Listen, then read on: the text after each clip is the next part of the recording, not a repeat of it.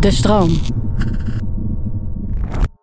Hey, ik snap dat je je podcast wil luisteren, dus ik zal het kort houden. Want als jij het belangrijk vindt om duurzame keuzes te maken, kan ASR misschien helpen.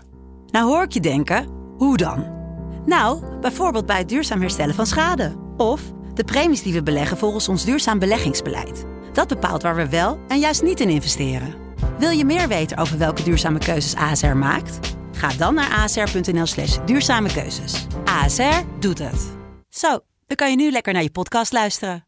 Hey, ik snap dat je je podcast wil luisteren, dus ik zal het kort houden. Want als jij het belangrijk vindt om duurzame keuzes te maken, kan ASR misschien helpen. Nou hoor ik je denken, hoe dan?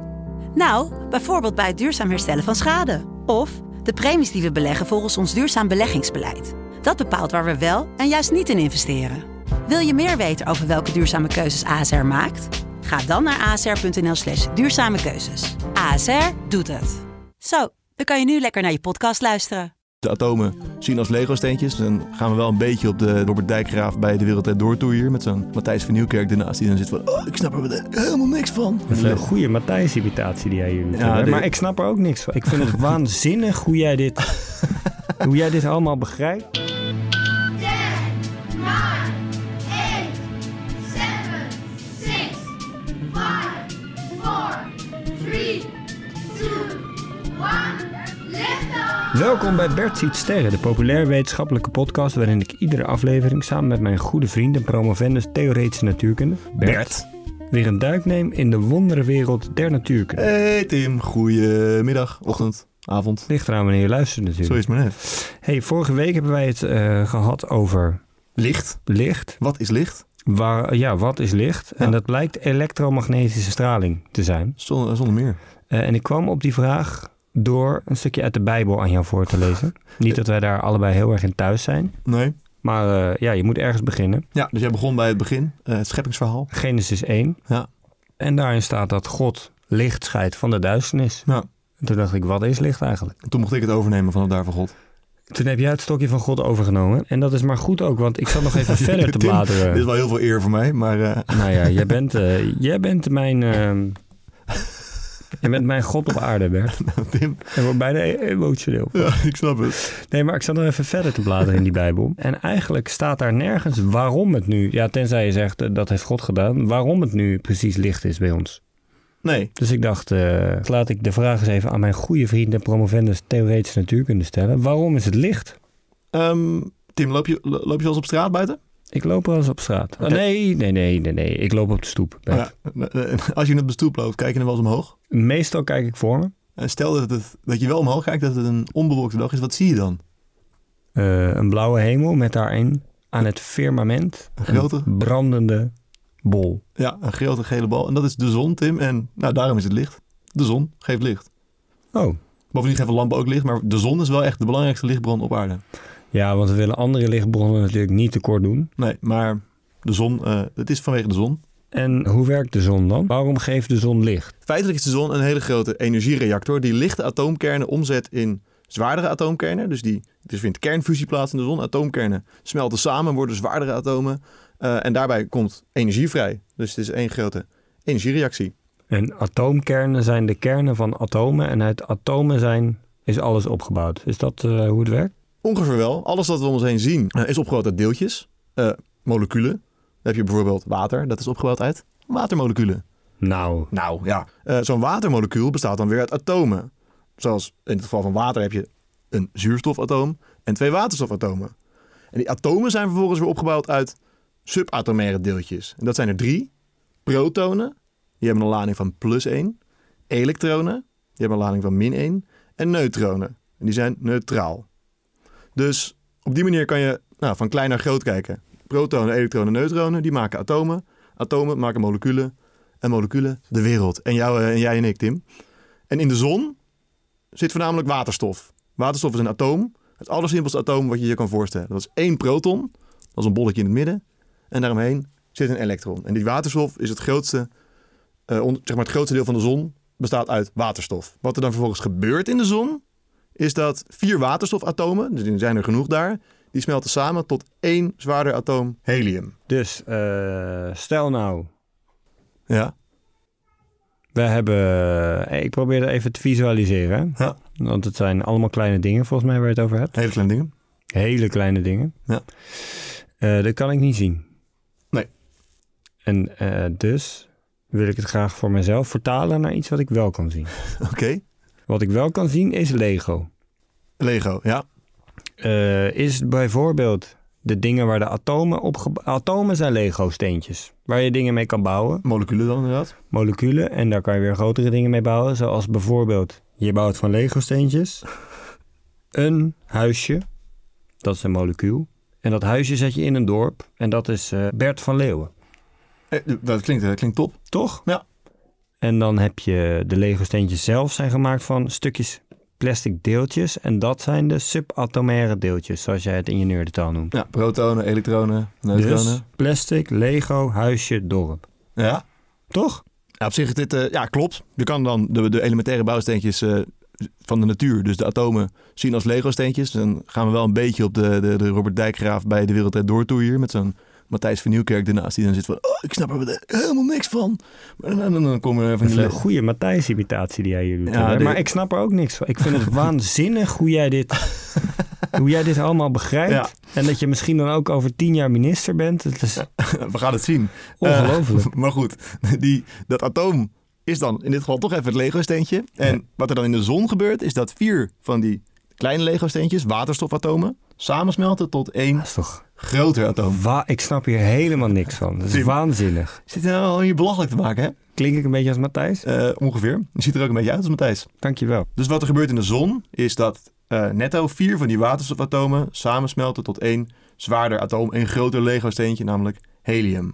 Maar wat het geval is, is dat het eindproduct van de reactie, dus dat heliumatoom, is net ietsje lichter dan de vier waterstofatomen waarmee je begon. En het verschil in massa, dus het verschil tussen die vier losse waterstofatomen die samensmelten tot het ene heliumatoom, dat verschil, dat wordt omgezet in energie. En dat is de energie die de zon uitstraalt en die we hier op aarde vinden. Is dat eh, veel energie? Nou, dat is echt gigantisch veel energie. Zeg maar, per gram massa die de zon omzet, kan je 7500 huishoudens van energie voorzien. En bovendien zet de zon ook echt gigantische hoeveelheden eh, massa per seconde om in energie.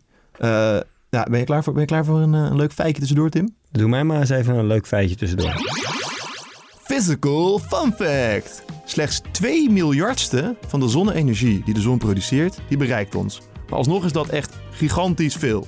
De zon geeft namelijk zoveel energie dat er voor elke persoon op aarde de zon 500 aardes van energie kan voorzien. Dat is echt lijp. Heb je hem? Dus elke persoon hier kan 500, op 500 aardes hebben die allemaal genoeg energie hebben. Zoveel energie geeft de zon als we alles zouden opvangen. Want de aarde is echt heel groot, heeft heel veel energie nodig. En dan zou ik in mijn eentje dus alleen al 500 aardes kunnen Ja. hoeden. Ja, op het moment dat we dat allemaal zouden op kunnen vangen. Dus in principe eh, zou je wel kunnen zeggen dat zonne-energie genoeg energie levert voor de aarde. Klopt. Als we er efficiënt omzetten in dingen die we kunnen gebruiken. Zeker. Hoe is dat, hoe is dat begonnen? Nou, toen de zon ontstond, eh, nou, de zon ontstond uit een hele grote wolk van gas. En met name waterstof. Want waterstof is ook de stof die het meest voorkomt in het heelal. Dus dat is de simpelste stof, het simpelste Lego-steentje. Eh, en die, ehm, die waterstof is, i- vormt dan in een wolk in het geval van de zon. En zo'n wolk waterstof wil dan in elkaar storten. Want eh, door zwaartekracht s- willen dingen naar elkaar toe. Heb je heel veel waterstof bij elkaar en die stort in elkaar. En wat er op een gegeven moment gebeurt, dus die waterstof wordt steeds meer op elkaar gedrukt, wordt steeds meer samengebald. En op een gegeven moment is er zo'n hoge temperatuur en zoveel druk dat die kernfusie op gang komt. En daarbij komt dus er warmte vrij, energie vrij. En dat is ook het punt, het balanspunt als het ware. Dus op het moment dat die waterstofbol instort, op het moment dat die gaat, dat die zoveel druk is dat die energie gaat uitzenden, zal die zichzelf ook in stand houden, zal die niet verder instorten. Dus het is eigenlijk een soort van evenwicht tussen de zon die wil instorten en op een gegeven moment dan energie gaat uitzenden, waardoor het een mooie bol blijft. En die, eh, die zien we. Dus stof trekt elkaar aan Ja. en daardoor ontstaat de zon. stof zit elkaar aan en daardoor gaat op een gegeven moment die stof stralen en daardoor ontstaat de zon, waardoor, de sto- waardoor die, die wolk ook niet verder in elkaar stort. Is dat ook waarom je af en toe moet stofzuigen in je huis? Omdat anders allemaal zonnen in hoekjes ontstaan? Eh, Of nee, gaat het wel over grotere hoeveelheden het gaat wel stof? over grote hoeveelheden stof in de zin van gewoon eh, heel veel waterstof. Intergalactische hoeveelheden stof? Precies. Kan ik hier op aarde ook waterstof bij elkaar gooien en dan kernfusie hebben en gigantisch veel energie om bijvoorbeeld mijn huis te verwarmen, mijn Maar- Tesla op te laden of mijn Polestar of allebei, want ik heb toch genoeg energie. De rest verkoop ik. Koop Ja. ik er ook nog een elektrische... Maar wie gaat het kopen als, je, als, als iedereen toch genoeg energie heeft? Of heb jij, wil jij het in je eentje proberen? Nou, hoe kan dat? Eh, nou, ik zou niet zeggen dat jij dit eventjes kan gaan fixen, maar we proberen het wel. Het is heel lastig, want je hebt een enorm hoge temperatuur nodig en enorme druk. Maar, nou ja, je hebt wel v- misschien wel eens gehoord van kernfusie-experimenten die er hier op aarde gedaan worden. Op dit Nee. moment is er een, eh, nou, dan eh, is dit het moment om dat te horen. Er is op dit moment bijvoorbeeld een enorm internationaal samenwerkingsproject bezig met een proefreactor in Frankrijk die precies dit probeert te doen. Dus die probeert eigenlijk de zon na te doen door ook die fusie van eh, waterstof tot helium op aarde te laten plaatsvinden. Maar, nou ja, ik zei net al, in de zon vindt dat plaats omdat al die waterstof in elkaar stort en je een gigantische gecomprimeerde bal krijgt met hele hoge druk, hele hoge temperatuur. Ja, kom er maar eens aan. Dat is het probleem. Dus op aarde is het zeg maar, het wordt geprobeerd en misschien gaat het op een dag lukken. Maar dan moeten we eerst eh, zo'n reactie op gang kunnen brengen. Moeten we zo'n hoge temperatuur hebben, zo'n hoge druk, dat die kernfusie gaat plaatsvinden. Als dat lukt, ja, dan hebben we inderdaad een hele goede manier om energie op te wekken. En dan kan jij eh, je vijf Tesla's en je twee Polestars gewoon zo, eh, zo opladen en de rest van de wereld ook. Want waterstof is er nou net even wel genoeg. En eh, hoe ver zijn ze alleen Frankrijk? Er staat nu op dit moment een proefreactor en ik weet niet wat precies de huidige status is, maar volgens mij zijn er al voor het eerst kortstondig eh, reacties o- opgewekt. En dan heb je natuurlijk, ben je nog heel ver verwijderd van dat het echt werkt en dat je het ook echt op grootschal kan gaan toepassen. Maar Maar Klopt. levert dat gelijk energie op of is alles wat je daarin stopt om dat tot gang te brengen nog meer? nou ja, het- als, als je het eenmaal, net als met een vuurtje, als je eenmaal met een lucifer die erbij hebt gehouden, dan gaat het energie opleveren. Dus uiteindelijk zal het dan wel energie gaan opleveren. Ja. Denk je dat dat de oplossing is van ons energievraagstuk in het kader van het klimaatprobleem? Ik, ik denk wel dat het een, een enorm duurzame manier is om het uiteindelijk op te lossen. Maar voordat ik het voor elkaar heb, denk ik dat we eerst wel eh, andere dingen moeten gaan doen. En daarbij, nou ja, we hadden het net over hoe gigantisch veel energie de zon opwekt. Ja, dat is, misschien is het toch nog wel makkelijker om nog beter te worden in zonne-energie eh, omzetten in voor ons bruikbare energie. Want nou ja, die zonne-energie doet de zon doet het toch al. Dus dan, dan gaan wij de zon kopiëren, maar we kunnen het ook gewoon meteen van de zon proberen te halen. Krijg jij energie als je in de zon ligt? Vind je dat lekker? Nee, ik, eh, nee, ik, ben, ik, dat is echt, eh, ik vind het echt verschrikkelijk. Jij bent heel inefficiënt in het omzetten van zonne-energie in energie. Ja, mijn huid is wel heel efficiënt in het omzetten van zonne-energie in een rood verbrande kreeftenkop. Eh, wat ook de grote reden is dat ik niet zo, graag, eh, niet zo graag in de zon lig. En je kan me eigenlijk geen kleiner plezier doen dan me op een strand neerleggen waar het knijterheet is en me geen parasol geven. Dat is echt... eh, Niet lekker boekje lezen, voetje in het water? ja. Jij wel dan? Nee. Ik vind het leuk om dingen te doen als ik op vakantie ben. Ja. Want als de consequentie is dat die dingen in de zon plaatsvinden, vind ik het prima om in de zon te zijn. Bijvoorbeeld fietsen of hardlopen of weet ik veel, in de bergen wandelen. Ja, Maar gewoon op, een, s- op zo'n bed gaan liggen en bakken, ja nee, dat dat, hou ik eh, denk ik één dag van de vakantie twee uurtjes vol en dan heb ik het echt gehad. ja, heb ik ook wel. Dus misschien moeten we samen een keer op vakantie. Dat zou leuk zijn, Robert. Nou, let's go. Ehm, zal ik jou vast even, eh, om te laten zien hoe leuk een vakantiepartner ik kan zijn, eh, iets leuks vertellen over waarom de zon licht geeft? Dat lijkt me uitstekend. Ik ben benieuwd. Dan stap ik de Space Elevator in. En dan start ik mijn supersonische sportswatch. En dan hebben we het over waarom de zon licht geeft. En dat heeft te maken met het feit dat de zon is opgebouwd uit deeltjes. En die deeltjes zijn waterstofatomen. En daarbij is het belangrijk om te weten dat atomen op hun beurt weer opgebouwd zijn uit elektronen, protonen en neutronen. En atomen samen moleculen vormen. En moleculen weer alles maken wat wij om ons heen zien aan dingen. En in de zon zijn het dus voornamelijk waterstofatomen die, eh, die de zon maken. En die waterstofatomen, doordat de zon gigantisch heet is en dat er hele grote druk is in de zon, smelten die waterstofatomen samen tot heliumatomen. Want er gaan vier waterstofatomen door die druk en die temperatuur worden één heliumatoom. Maar dat heliumatoom is net iets lichter dan de waterstofatomen waarmee het begon.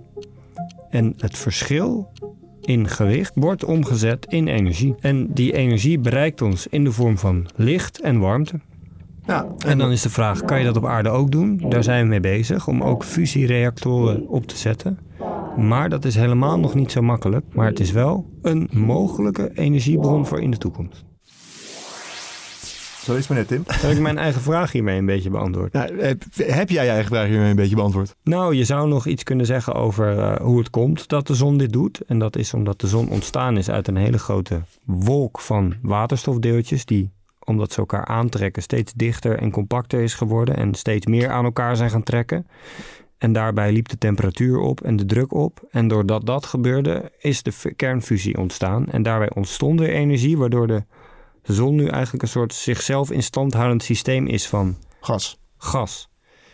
Met als product dat er heel veel licht en warmte naar de aarde komt. Eh, dit was een lange minuut, eh, maar het zit er wel allemaal in. Dat is een rijke minuut. Ja, een rij- echt een he- gewoon een hele rijke minuut. Misschien moeten wij heel lang op vakantie gaan, Bert. Let's go. Eh, Die space shuttle staat toch klaar. Dan was dit, denk ik. Bertie's sterren voor deze week. Ja. Wil jij nou voorkomen dat de aflevering tot het deel van de energie van de zon behoort dat de aarde nooit zal bereiken? Klik dan op volgen in je favoriete podcast-app en dan komen onze afleveringen gewoon in je brievenbus. En geef ons vooral ook een recensie. Geef Bertie's sterren sterren. En heb je vragen of wil je zelf een onderwerp aandragen? Mail dan naar bertzietsterren@de-stroom.nl. Hatsa. Nee, voor nu hartelijk dank voor het luisteren. En tot de volgende ster. Hatsa!